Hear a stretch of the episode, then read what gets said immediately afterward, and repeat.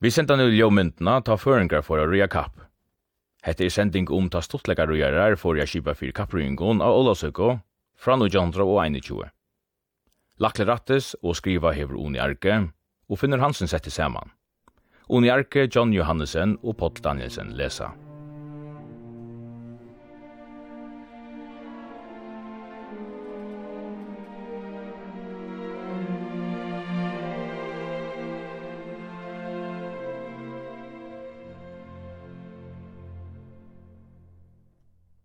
Leierdagen 25. februar i 2023 våre forsvarligin sujan fyrsta ruingarfellaje og i farjon fyrja ruingarfella var ståna.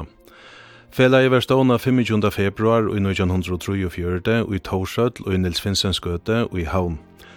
Stigtakarar var i Axel Hansen, Leiver Trent Hansen og Jens Paljev Reine. Enda maler vi fellanon var at stimpra av fyrir rui og idrøttene, få til vea rujebreit, vi lykka halda rujegøter og fyrreika kapprujingar. Og i innbjøvingene fra Taimon Trimon var det bæg havnafolk og folk av bygd, bojen vi og stånande i alfond, og nudje mans møtte av fonden Førja ruingafela var landja einasta ruingafela i og i fyrjon, men hese fors og arne er det flere fele kommende træt. Våa ruingafela var stående i 1905 og fors, og førest Íslandsrossafela kom i 1924.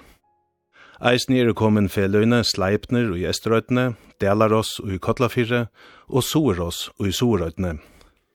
Fela i førsk ross virkar fyrir at varva etter førska rosse og verståna i 1908.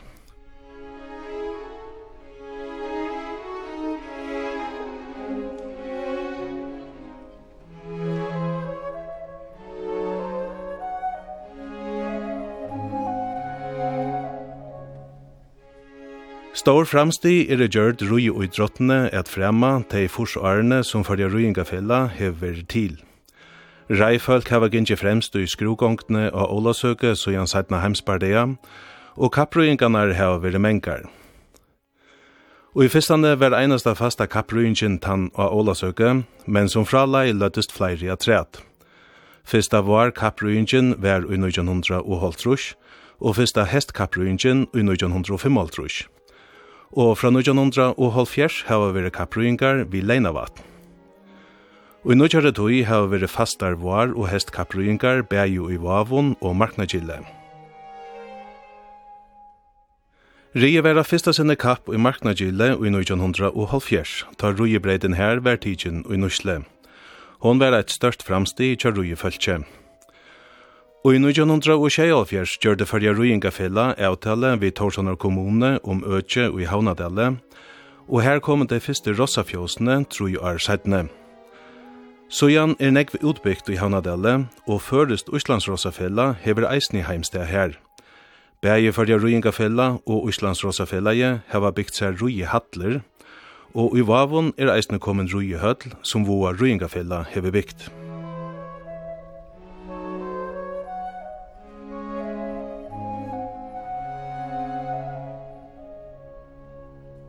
Og i hese sendingene leida vid atter om ståningardagen til Farja Røyingafella i 1934, tog Rie vera eisne kapp undan hesen degi.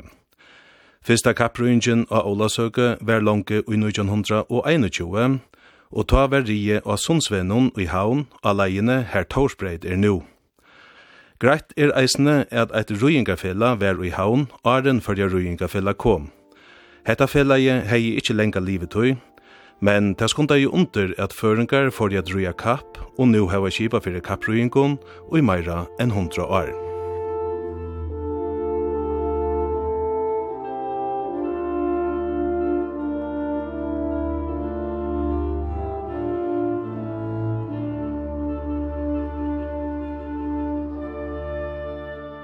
Danmarkarkonger vera rundferð i Førjun, Oslandi og Grønlandi, og størst hatujarhald hei just veri i Vaje og i samband vi at elvestju i Botne ver tidju i Nusle.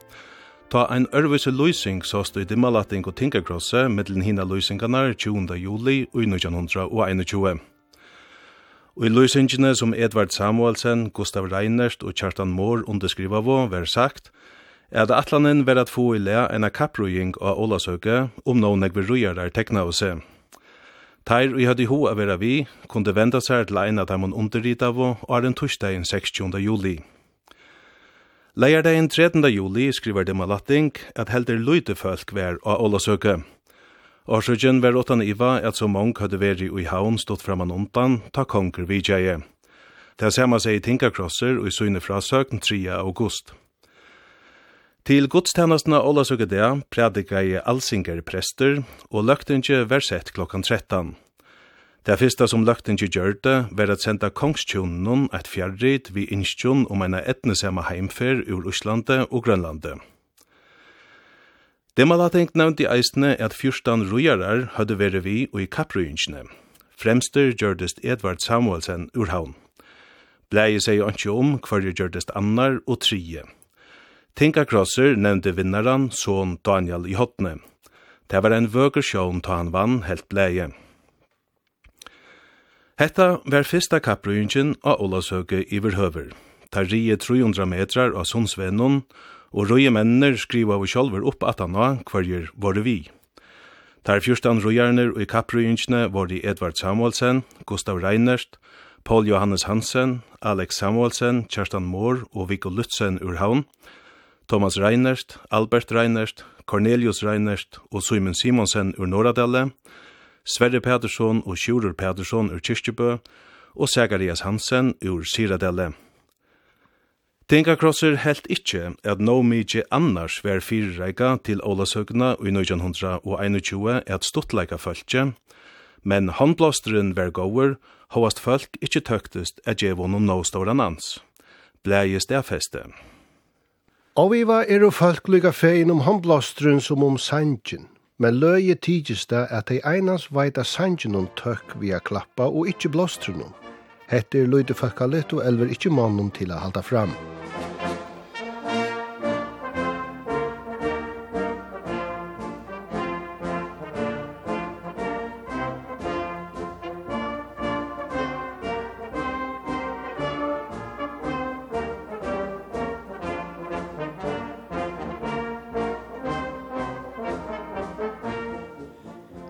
Kapprujingen som var av Sundsvenen i 1921 måtte etnast vel, tog jeg etter var atterløysing og Dimalating og Tingakrosse som Edvard Samuelsen, Gustav Reinerst og Kjerstan Vår skriva av under. Løyst vær i Bavumbløvnen tann 12. juli i 1922. Løysingarna er området i hesa fer eit rujingarfela som tar underrita av stjøtnave. Kipa skulle fire kapprujing av Ålasøke om nå nekver tekna av seg. Trutjar viruslønner var utsettar, og teir som atla oss er vi, skulle snikva seg til felaksens stjøtten og arren 20. juli. Og Ålasøke i 1922 hendte mengt og kvæt. Utemøte vær vi ebeneser, sjånleiker var spalter og opplester vær i havnarklubba. Basarer var i kommuneskolan, filmleikur var sunter fram, og kapsvimjing var av Estare Vam. Kapprøyingen av Sundsvenon var bant etter tingssetane nam. Vi våre 15 rojarar, og fremstur gjørdust Alex Samuelsen.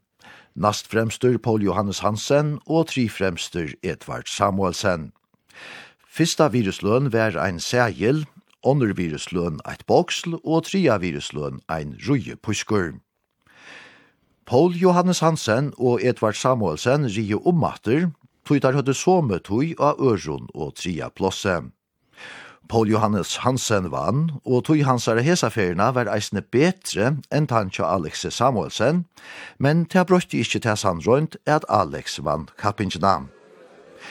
Etter kapprujingjena sauna oss drujarar og rujefolk, og i medstovene tja Gustav Reinerst, og i vær herfresnar herren er nu. Og av mætstovene var Alex Samuelsen arkaver vi, er at han hei ikkje oppebore fyrste viruslønn, nu Paul Johannes Hansen hei betre tog. Hetta vil han ikkje heva sidan til Aser, og sett ni om kvölde foretar bager, at roja kapp oppi Asundsvenon. Alex vann, og så var ikkje spurnar tekin sett vi om han var ratte vinnaren. Tinka Krosser var heilt velnøkter vi Ola søkna i 1922. Studentabasaren var endaver vi en kabarett, her Hans Andreas Kjurus les opp en vekra iskink om Jens Christian Svapo. Så gjerne var sunnje, dansa og spalt så vekkurst og kjemtelige at ødel våre nøgt. Men tinka krosser vi meste. At danseren gikk latt og listelige som alltid om Ola Søkunæter nøydest ikkje sigast. Tess meira grund høttu folk til at harmast om tei orrymelig og fjuta på og i voldo er danseren kjalt Olasøkukvöld var avkvettur klokkan 12.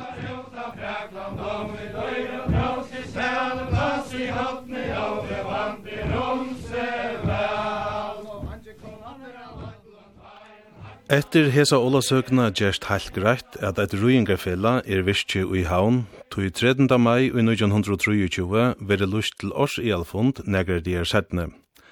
Lust veri bæju i dimalatting og tinkarkrosse. Av skronni er at leggja fram rokenskap og imist. Mikadein 11. juli i 1923 er løysing i baum bløvnun om kapprøying av olasøkna. Tær som skriver under er det nu Kjartan Mohr, Edvard Samuelsen og Wilhelm Samuelsen, sættene Torsheim. Sagt verer at kapprøyingen verer av vanlige plåsen og at tær som atlas er at vera vi, skulle venda seg til nevntene innan 22. juli. Fem viruslønner vera at vinna. Ola søka 1923 gjørdest særlig at han hatt at haunen fikk sjålsama vidjan. Torskje kryssaren Berlin vidjaje av ved Oslands, og i gøten noen såes tog nekver tusker kadettar som våre bodner innar og i mengt et heime og i haun. Tuskarnir sjunke alt det kameraten og i bøynun myntest Peder Alberg i søgne dagbok. Tan Sanchen platt i Havnar hotnarkester at spela, så han kjente Sanchen. Peter og flere var i avonne og skoa og tan staselige kryssaran ta han var og sylte med den andre rundt om han. Mange vidjavo eisen i ombord.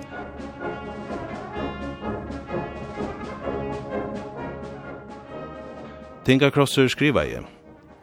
Det er heldur óvant tja føringuna suttja så hampeligar og sottligar hermen spaka og i havnagøtum som hesar tuskarnar.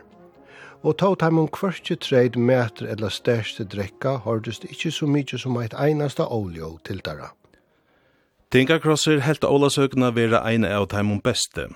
Vekre var fralukt, kjentanen var gau, og det var olvaren eisne. Rujusflødgjene var fakkande ui bojarmyndene, og studentaflødgjene fjellgavost. Samljå tøktest av vera ui falskjennom. Ta hape spalte fåbolt mot de tyske kadettenon i Gundadelle, hukte 600 folk et, og studentaflagje og det tyska flagje veitra av li om li. Hetta var en kjølsom sjån. Tinka krosser helt kortene at han mest sermeste Olasøke Stuttleggen var Kaprujingen. Det var en høgtøy stund ta reian helt av sted midt ur boinen. Fyrst eit størst li av håndblasaren, som vi klinkande trestun ljóe og føreskun fløggun gingo undan reimannen som atjan i tale tvair og tvair kom atana.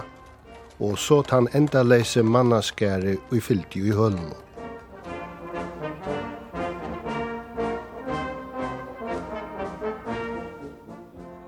Kapprøyingen og Sundsvennen var vel etna, men tingakrosser fylltist av at sommer dukte og negv av rossene vi karle. Hetta sa illa ut. Mykje bedre hei vere om reimenner brukte spårar, tog vi hegv. Tusker hermen våre til Kapprøyingina og blei nevner at her tog jeg en hest av, men sier ikkje kvui. Demalating kom gjør de urslitne av Kapprøyingina 4. august. Magnus Samuelsen, sætne Torsheim, kom fyrstur av mal við tøyene 22,8 sekund. Annar gjørdist Wilhelm Samuelsen við 30 sekundon, og trije Thomas Reinert eisne við 30 sekundon. Gustav Reinert enda jo av fjorda plosse, og av femta og satta plosse var Jon Simonsen og Hans Hansen. Vinningander var i ein kikare, eit ur, ein ryggsekker, eit per av gamasjon, eit seilteppe og rujesporar. Viruslønnar var så statt 6 i tale og ikkje 5 som opprunalega var kundgjørst. Musikk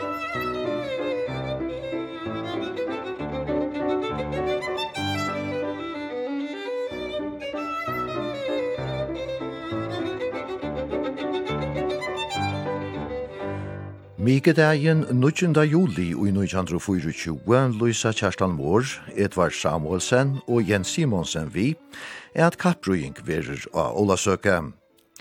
Tær felagslimer og i atlasera vera vi skulle venta seg til nevntuna seinast sunnedeien 21. juli. Utsettar er det fem premier. Tingakrosser var eisende nøkter vi hesa Olasøkna ta hon var av, tog vekse var av tog fakrasta. Fyrste stortleiken var av kjavbaten Råta, som kjavaie, kom opp atter, og så kjavaie atter fyrir ødlund teimen omtrante avskoarnon av vonne. Tinga krosser skriva igjen. Så gjerne var kapprøyingen ein forvittneslig og føver sjån. 20 unglingar av tvisporande rosson vi ein ungkvinno av åtta. Hon og brøver hennara vunno heierskavnar og utsettar vauro. Magnild Edvard og Alex Samuelsen. Her årar blei seg ikkje heilt neft, tog dimmalatting kunngjørte etter Ola søke femtar fremste rojarnar og toginar. Fremst var Magnhild Samuelsen vi 32 sekundum, og annar gjørtest Edvard Samuelsen vi så mot tog. Viggo Lutzen gjørtest tri fremster vi 32,5 sekundum, Alex Samuelsen fjore vi 32,8 sekundon og Christian Christiansen femte vi 33 sekundon. Hetta vær fyrste sigurinn tja kvinne og i kapprujing vi menn. Magnhild Samuelsen rei av Gjørilde som mever hennara Jens Simonsen 8. Alex Samuelsen rei av Diltje og Christian Christiansen at av Rurskiradele rei av Gosturissene som de nevnte. Ein annar stuttleikje hesa Olasøkna var Haskola Basarren, her ein karusell vært han stora ætrottar megin. Folk tyrptest som floer om basaren og til snurrante karusellena longo Ola Olasøko. Hesar dianar våre føringar eisne albykje oppdikner av flikving. Boa var fra at trutjar amerikanskar flåmaskiner skulle koma til førjar, Men ta det våre farnar ur Kirkwall kom Jørstjå atter og tvær flikvarar venti atter. Tan tria flikvaran høyde folk i Sumpa, Vaje og Famjön Horst, og seitne frattest er han var kommet i Ødlungovum til Øslands, nevnte Tingakrosser. Ta at her bæger attevente flikvarner 3. august for i ur Kirkwall måtte annar seta seg av kjekven 115 fjóringar ur Orsknodjon. Hin flei lokt inn i Vesumpjarbygd og sleppte einon bovo nir om at amerikanske kryssaren Richmond skulle færa flikvarnum til hjelpar. Ta foran og mennene våre bjergeier. Tinga Krosser i eisne fra at Italiumævren Antonio Locatelli at atlei seg flikva ur Italia til Amerika og at han skulle seta seg i fyrjon. Og i august og i 1924 lente han av Havnarvoa. Hetta var fyrsta ferien at eit flåfer sette seg i fyrjon.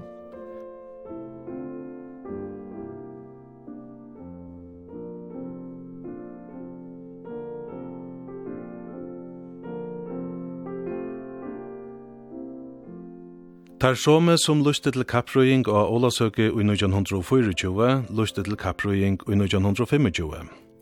Om no mong tekna og seg er den 25. juli for å være kipa fyrir kappruinsjene, søtte der og ble løysing. Bygdamenn er velkomner og somleis damer og vilja vera vi, lødde Kjerstan Mohr, Edvard Samuelsen og Jens Simonsen av træt. Ola Søkedea skriva i Tinka Krosser at haunen som menkan hei tøkst deadly av en i at vera, tog seg fram. Ferafolk tosti og i gøtunon hver jeg fyrt kjaldre kom til lands, og verilet høvestigar loiv hei vere Ola Ålasøke. Eit nu høyde fotografar reika i gøtunum, og ein snurrande karusell vi lirikassa musikje hei veri nekvad høyra. Vær hette ikkje just som i utlondon, spurte Kristine Geil og i Tinkakrosset. Han opplyste at høvestatteren hesafer var basaren tja føreska felanon og imot tuberklasjukene. Tvær tuskir konsertmeistarar skulle hava konsert i teatersalen, og så var det eisne kapprauer, kapprujing og kapprenning av skronne. Kapprujingen var spennande, og nu vann ein annar av taimon ui hotne. Johannes Samuelsen av Gjørelte, eisne nevnter Hannes ui hotne, kom fyrstur av mal vid i 28,6 sekund. Annar gjørdist Gustav Reinert vi 28,8 sekundun, og 3 Sjurur Pedersen vi 22 sekundun. Fjore var Alex Samuelsen og femte Kjartan Mohr. Rie var 300 metrar og Sundsvennon, og sambart dimmalatting var det 16 vi og i kapprujynskene. Ein annar forskunnu kapping hesa Olasøkna var ein kapprenning og sanatorievennon, her runde var 500 metrar. Palli Henriksen gjørdest fremster vi 126,6 sekundun. Fyrir hetta vann han heiersmerkje.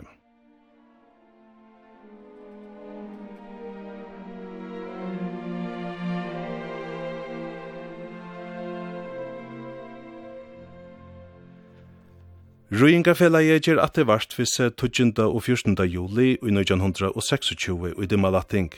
Felagi boar ta til Ealfond leierkvölde 16. juli ta sjukra pleiefelleie er liot vi suinfund. Av skronne er at leggja rokenskapen fram og velja stjóra. Migedagen 21. juli Luisa Kjartan Mår, Viggo Lutzen og Hans Hansen vi er at kapprøying verir av Ålasøke om no mong tekna seg.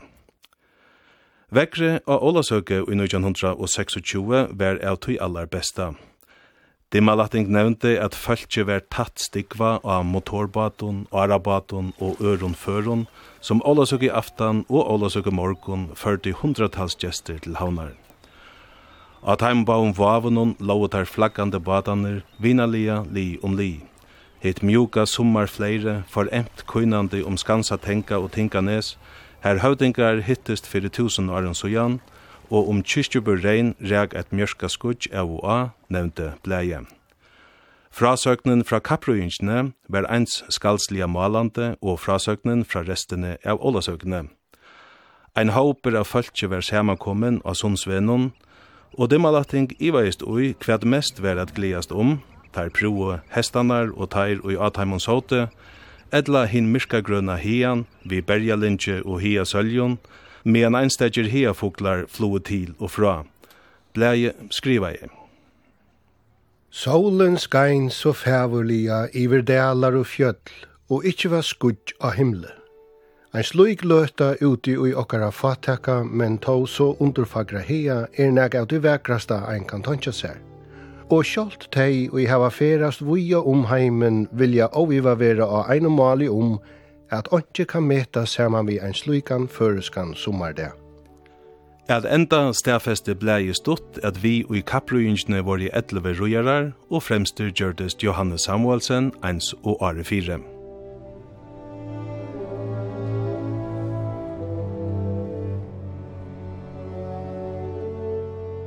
Innkattlingen fra Ruingarfelanon til Kapprujingina i 1922 var sett ut i Malating 16. juli. Og i løysingene kun gjør det nevnt en atter at høyde no bonk og ahua fire tøy var skipa fire Kapprujing. Etter Ola Søko skriva i Paul Niklasen en drikva grein i Malating om alt som var færre fram av Ola Søko. Om kapprøyingina sier han at hon som vant var av sundsvennen og byrja i vi hodblåstre. Han nevnte. Det må sigast at hegen iverhøver var vekrare enn hestander. Men vekre var eisne så fralukt som det best kan være hela land i aha sommardeje. Solen skein bæg åman og nian, mjukt og svalt var låte, linker og græs glitra og i teimen fakrast og litun, og her var hitt vekraste samljå om alla leir. Paul Niklasen helt at han før ikkje hegen var vekkur av sommerdege, men vekrast og honaligast var han ta hiafukleren og i kvatare sommerglede flei til og fra. Han stafeste.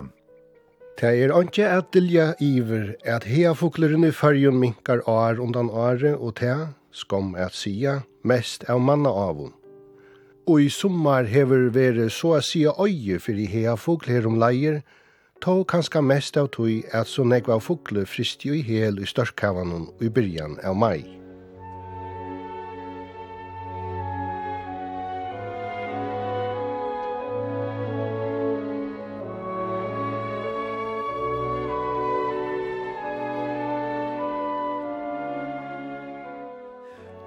kapprøyingina hei han ikkje nekve at sija.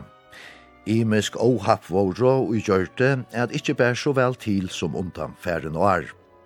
16 rojarar våre vi, og Magnus Torsheim kom fyster av mal.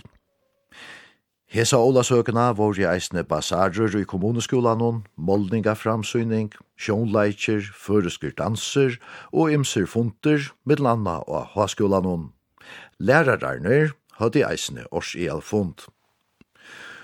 Og i kappråren kutte tutsjemannaførene se som sjoltan og avur.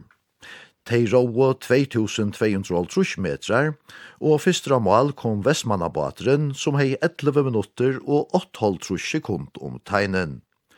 Skåpenarbateren kom amal 25 sekund settene, og hestbateren 1,5 sekund etter han. Og av fyrsta sinne var skipa fire talve vi livande fölkje i Gundadale. Nekvir og askbarar våre tjastater ta Palli Henriksen og Jon E. Johansen røynte seg. Palli Henriksen vant talve som varte ein tøyma. Undan Ålasøke i 1928 var atter boa til Kaprøying og Dimmalatting og Tinkakrosse. Hesa fer var fraboan en longre enn undanfæren år, og nu skriva vår Paul Johannes Hansen, Alex Samuelsen og Sjurur Nølsøy Pedersen under. Tar nevnte at kjipast skuldi atter i år fyrir Olasøke kapprøying, men ikkje av sundsvennon. Tan vever som her til ver nutter hei ikkje veri vel høskande til kapprøying, og nu hei etnastaimon er få av vegin fra mi hotnenon og heim og imot krossvenon. Talan var om nutja velbasta vegin, som var beiner vi lujandi hattli undan, og som eisni hei gott plås til askvarnar. Han var et sera skikka plås at fremja hendan kjemtelige ålasøke leik, søtte der. Premienar var det trutjar. Tver skulle letast månen iver 8 januar, og ein skulle letast drantjon under 8 januar. Kvinner kunne eisne vera vi. De som atlavo at lottaka skulle tekna seg i senasta leie 20. juli. Sojan skulle dei møta fjölment at pruja Ólasøkna og kjemta Ólasøke gestnum. Kaprøyngina Ólasøke dea vann Johanne Samuelsen vid tøyene 30 sekund, og annara mål kom Svane Amsfulltrue. Tegneren der rie var 400 metrar. Amsfulltruen vært han 30 år gamle Aksel Svane, og i var våren utbyggven som løgfrøyngur i 1924. Han var ikkje sørst av einon eventyrara, for etter lokna utbyggving av fer kring heimen av motorsykle, og kom til fyrja i 1926 og starv tja amtenon. Til Danmarkar får han atter i 1929, ta han fikk starv og i landbjona var malaranon. Og i 1932 gjørdes han landfote fyrir Sovergrønland og røkte starve til 1945. Fra 41 var han bosittande i USA og røkte grønlandsk avamal her og i Kanada, samståndet som Danmark var hersett.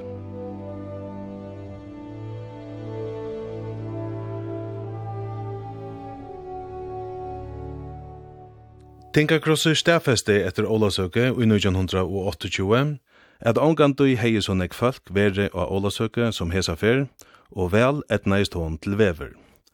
Nega av rådje var om at Torsanar Boira flagga i vi norskon flaggon ta tidje var i måte norskon gestun av bridgjene. Boira i hei ikkje søkt om løyve til dette, og foten gjør det greit at flaggjene skulle strikast.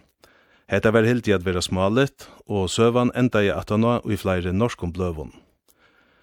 Og i sambandet vi kapprøyingina sast at ongen moner var atoginon av sundsvennon, her rige var 300 metrar, og og av velpasta vinnun, her tegneren var 400 metrar. Alex Samuelsen nevnte settene at helter sløke tøyinar av sundsvinnun ståst av, at boer var av vinnun her torsbreit er nu. Sørsta parten av tegnenon mot store steinenon vi husene tja Verlande Johansen var motbrekka.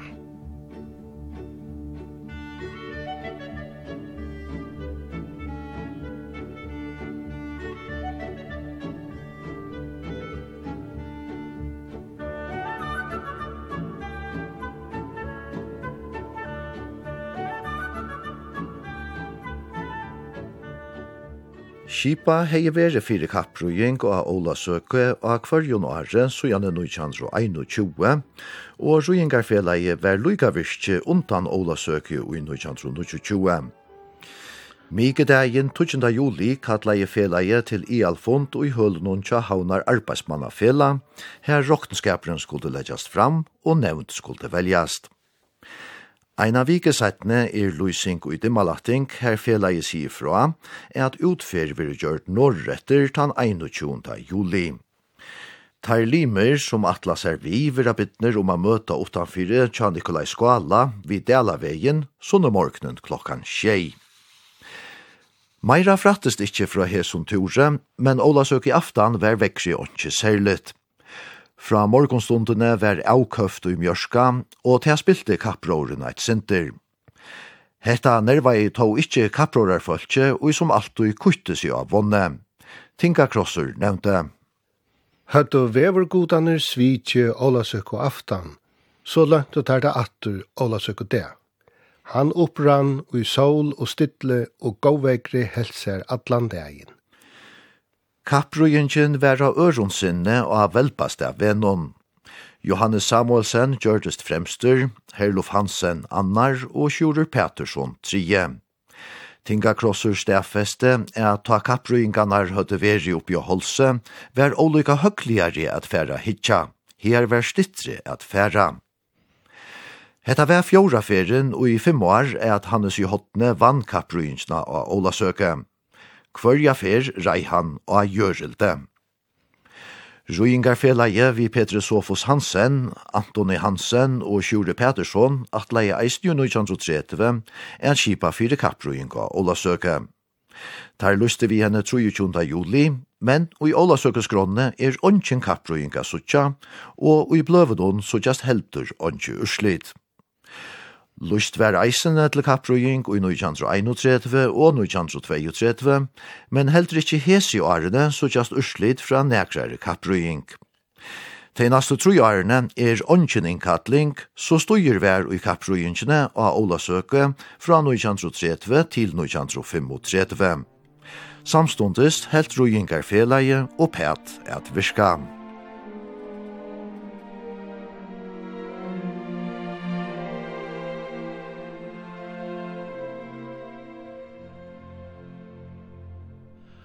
Undan Ålasøke i 1936 veri kundgjørt skra i Dimalating, her nevnt verir at kapprøying verir av elpasta venon klokkan halkon fem Ålasøke dea.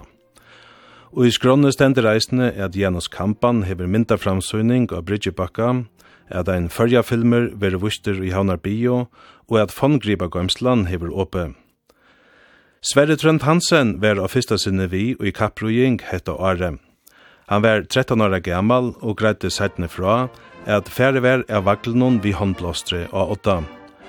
Ta komme var ut til P.A. Restorff for i håndblåsarene og i bile ut av krossen. Røyerne for i ut etter landavennon, og ta der kom i ut stod vi håndblåsare og avskårar fyrir demon.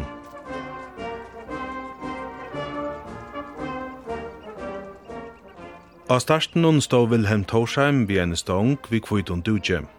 Han hei dugina loftet ta klart vera at starta. Jon Hansen stod mellom bæg rossene og helt, så det ikkje får jo malstrikna.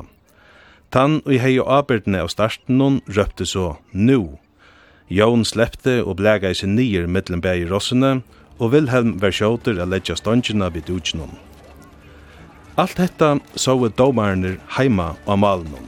Tar våre massvinter Lutzen, Lampunova Rajeve og Trønd Hansen – Per høyde eit stoppord som kunne teka tutsjenda parter av en sekunde, og så eit som bare skifte hvert halvt sekund.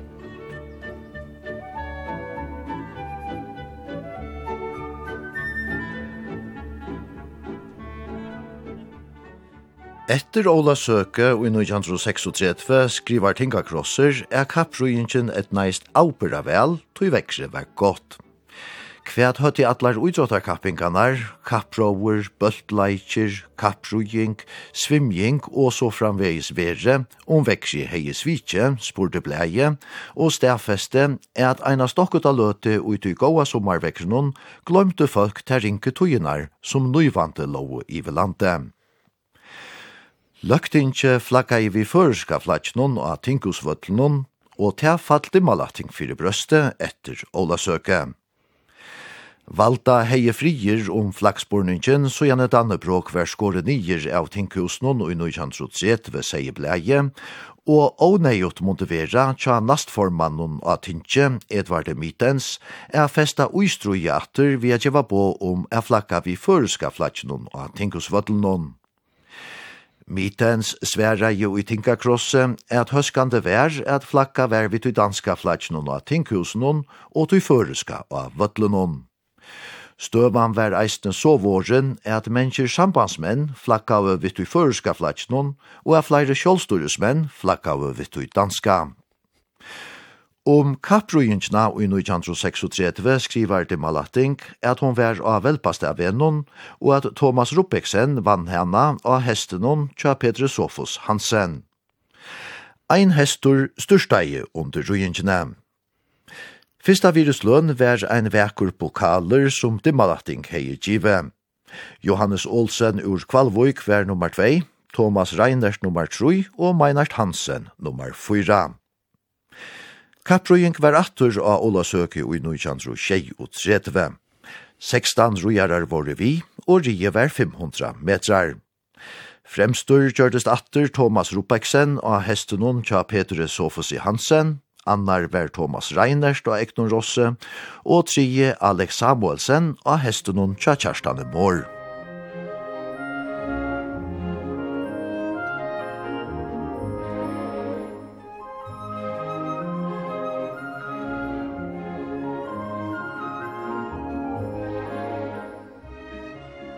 Og i dag ble noen 15. juli i 1938 er greinast oppi av bergsøyne, her kunngjørt verer at kapprøying verer av Olasøke.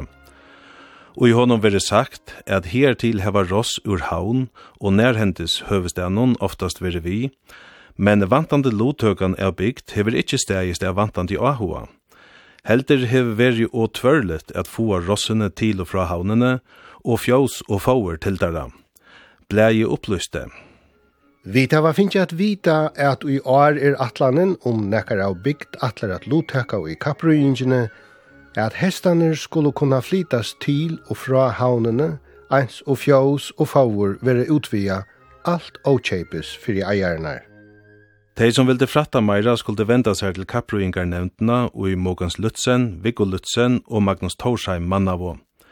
Tar vånavo at hetta nudja atetje for at heva vissar at nekk flere rojarar for å koma til kapruinsna enn undanfæren år.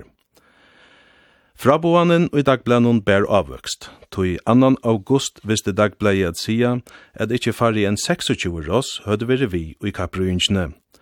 Hon byrja i klokkan 4 av velpasta venon og blei helt at kapruinsjen vakti allsam større ans manna middelen. Fyster av mal var Meinart Hansen og hesten tja Leif Moore.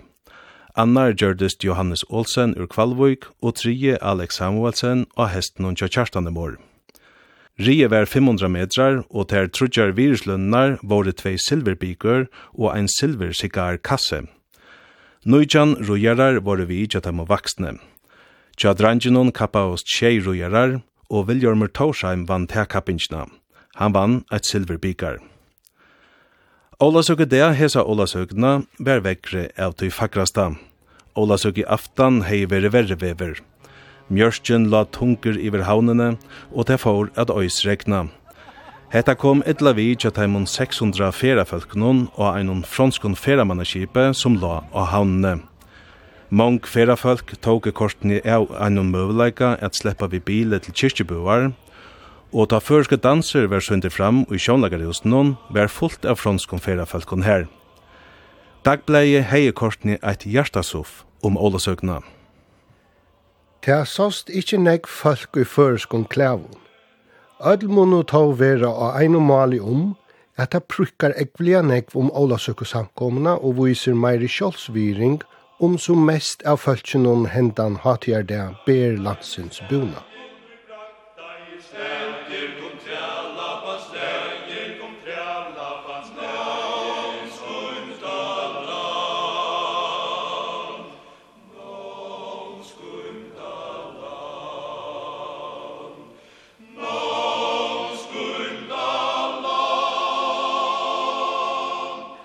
Heimsparteien var fuar månader borster ta Måkens Lutzen, Viggo Lutzen og Magnus Torsheim og i dimmalatting tan 5. juli og i 1923 bo av fra, er at atlanen atur var at kipa fyrir kapsrujing av Ola Søko. Teir, som høyt i hoa vera vi, skulle venta seg til teir underrita av og ross er bygd våre flott fraktfrutt til haunar, opplyste teir. Dagblæje nevnte 1. august at fyrri helmingur av ólasøkene spiltes ei sindri av veksrenon, men vekse batna er så fratt at nærum alt som var fyrirreika var avgreit. Ikkje minst heppnavost uitrottarskrukonkan og ein frahalsskrukkonka vel. Sjoldan og avur høyt i uitrottarkappinganar veri så fjölbrøttar.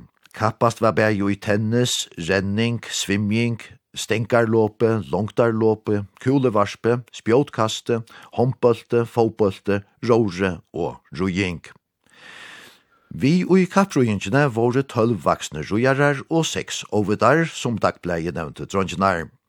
Tegneren var 500 metrar. Johan Johansen ur Kvivvik vann vi tøyene 38,5 sekund. Annar Gjørtes Måken Slutsen ur haun vi 30 sekundon, og Trije Meinert Hansen ur haun vi 41 sekundon. Tja dronjenon vann Janus Djurus ur haun. Dagbleie fannst er dømingene av Elbastavenon.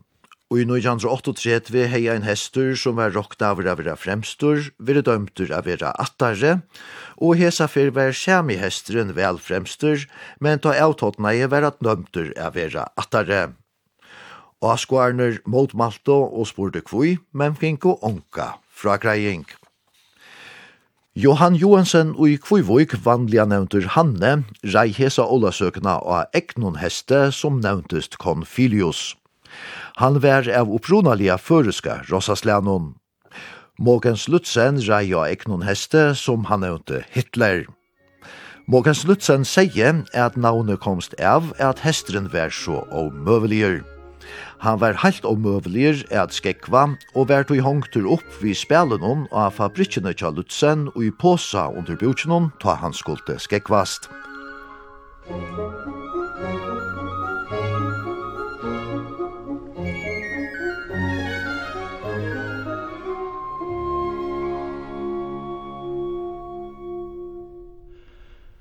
Bretar høtti hersett førjar ta Viggo Lutzen, Magnus Torsheim og Mogens Lutzen høstein 11. juli i 1904 lusti i dagblan og vi at skipast skulde fyrir kapprøying og Ålasøke. Tvær dier etter Ålasøke stedfeste dagbleie at Ålasøkan var vel etna, hovast det for at rekna i måte midnatt Ålasøke det. Ålasøke i aftan var ein frahalsskrogonga som stegga i vi standmyndina av Rasmus i Effersø, Her frahalsfele myntist og heirav Rasmus vi kransi og røve som Morentius vi stein helt. Sama det var falkafunder og doktara grund. Ola søkka det var kapprujungen og Thomas Rubeksen røntist sjåtaster og åtte. Etter han kom Johannes Petersson i Kyrkjebø og Dårene. Tja drangenon vann tan 16 år gamle Sverre Trent Hansen. Aldersmarsje fyrir vaksna manna rujing var 18 år. Dimalating stafeste at hovast kruksomstøvnar våre meinar, tarnaist ólasøkan ikkje størveis av omstøvnun. Føringar våre tui beter sloppner at halda ólasøke og frie og navun, men bleie myndi ja.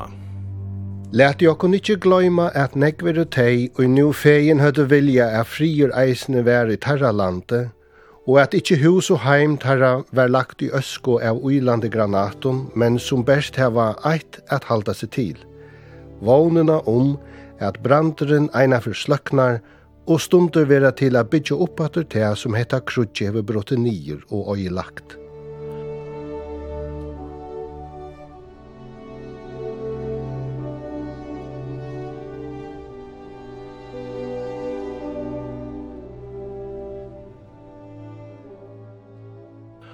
Og i 1941 var det menn atter fuser at kipa fyrir kapprøying.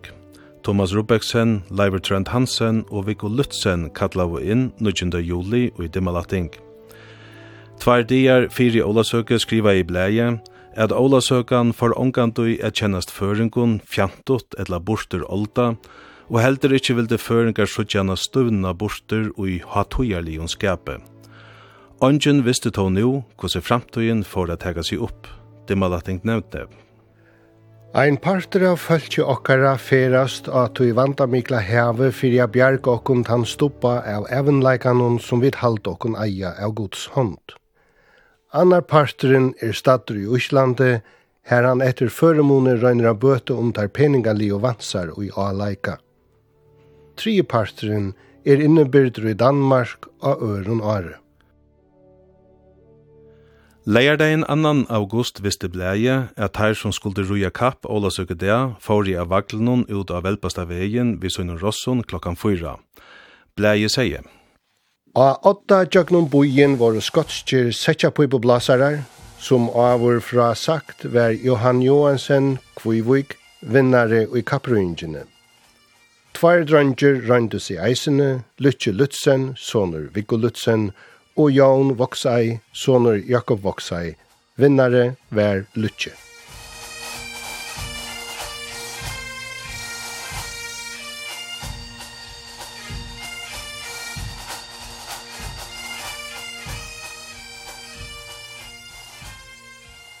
Á ørum plossi tja teim og vaksne kom Thomas Rubeksen og 8 og á tria plossi Magnus Torsheim.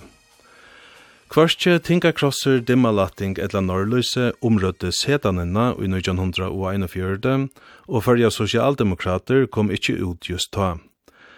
Dagbleie kom heldur ikkje ut, du bleie heie vere og åpenskara om kruksægjerer i fyrjun. Ta dagbleie kom ut atter 9. august, kunngjørde bleie ødel urslitene fra utrådda og Olasøke og opplyste, og at Johannes Pettersson Olasøk i aftan hei hilde vel fagna i røve vi Tinkosvøtlen om Olav Kong.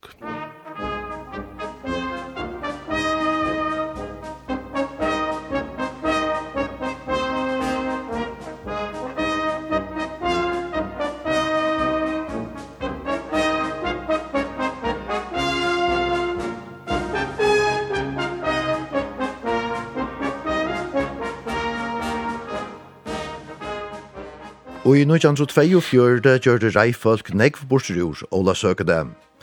Teir som kalla av inn til kappruinsna våre nu, Willem Torsheim, Kjerstan Mohr, Edvard Samuelsen og Kvivuks Thomas. Luising Tarra stå i dimmalatting tan 11. juli. Ruje folk gikk og eisne skrugonko og i samband vi setanna Ola Søke aftan.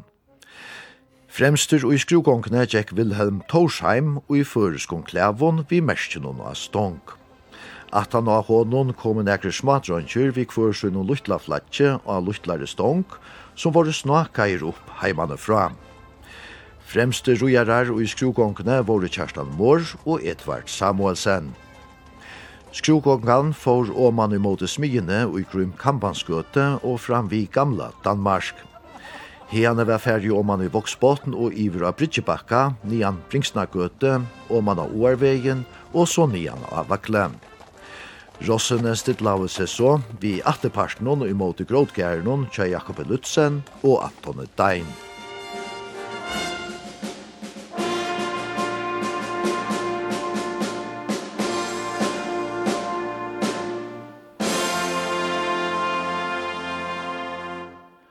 Under tingus nun helt læraren og skalde Hans Andreas Djuros røve.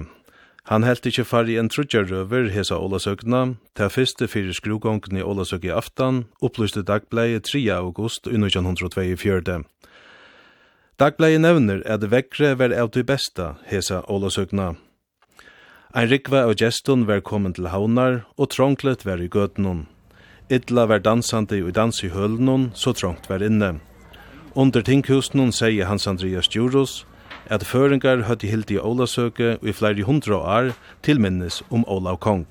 Han sier Ta vid nu byrja og Olavsøkna vi hesar skrugong og vi bera okkara flagg jöknum gøtunar, så var det fyrir gjerra Olavsøkna til ta hon heie vere. Flagge og fölkje var eitt, og vi måtte ansa etter at halda okkara flagg høgt og rett. Dagblei upplyste at skrugongan etter røv i Hans Andreasar for av steater vil jomlinnon tja frelsnar hernon av åtta. Atan av jomlinnon kom ein riel av bøtnon, kvart vi sunnon luttla fladje og stong, og hernast kaprojerner og heste tveir og tveir. Ein av taimon som var vid hesa hessa var Paul Moore. Og i samband vi Ålasukke sedanna i 2015 spurte Torur Mikkelsen han av Aglenon hvordan lød han var. To vart vi allra första Olavsökna ta i sjågång av det här. 42, 42, 12 var gammal. Minns du när kan från skrogångarna? Jag minns nej, en inte nek, jag minns en gång för det var en som hade Det var först för det var en skrogång av Olavsöker. Det var rolig med en stån av det. Och här urslit du så här. Jag jag misstälks när folk är det. Jag vet kvar kom att han har rolig med någon. Det kom onkra fotbollsmannen att han har alltid. Nu går det att han Eva vi till och 45 ta for borster. Det var så angat at finna en for jag trusjen om. Så ta at folk kan ho älskas vi først om om det som kommer av av rossen og ta ta har det rätt till. Det kan höj. Det har til vi vi vid som indianer i USA. Vi var upprorna folket. Okej. Om sjálva kapprøyngina Ólasøke der og i 1924 nevnte Dimalating at Meinert Hansen vann av hestenun Kjallaif Moore. Annar gjørdest Johan Johansen av Konfiliose, og trije Jens Venningsted Jakobsen av hesten og Thomas Reinerst. Tegneren som rien vær var 500 metrar. Hetta var seinasta kapprøyingen som kipa var fire, åren fyrja røyingafella var ståna et halvt år sættene 25. februar i 1934. i hei stånande i Alfond og i Torshøtl, her Jens av Reine vegna stitakarnar bei velkommen. Han les søgjan opp eit oppskåd om vidtøkker fyrir nødja felleie, som vi små om brøydingon var samtikt, og vi tarri samtiktene sa fyrir røyinga fella dagsens ljós. Vi tog virksemme, som langi hei vere landje mittlen reifolk, Vi rokna vi reifolk noen bæge i samband vi kapprøyingar og skruvgånge og Ålasøkka, og de neste forsårene skulle de saman vi utrådda og håndblasaron seta så en helt sérstekka dam av Ålasøkna.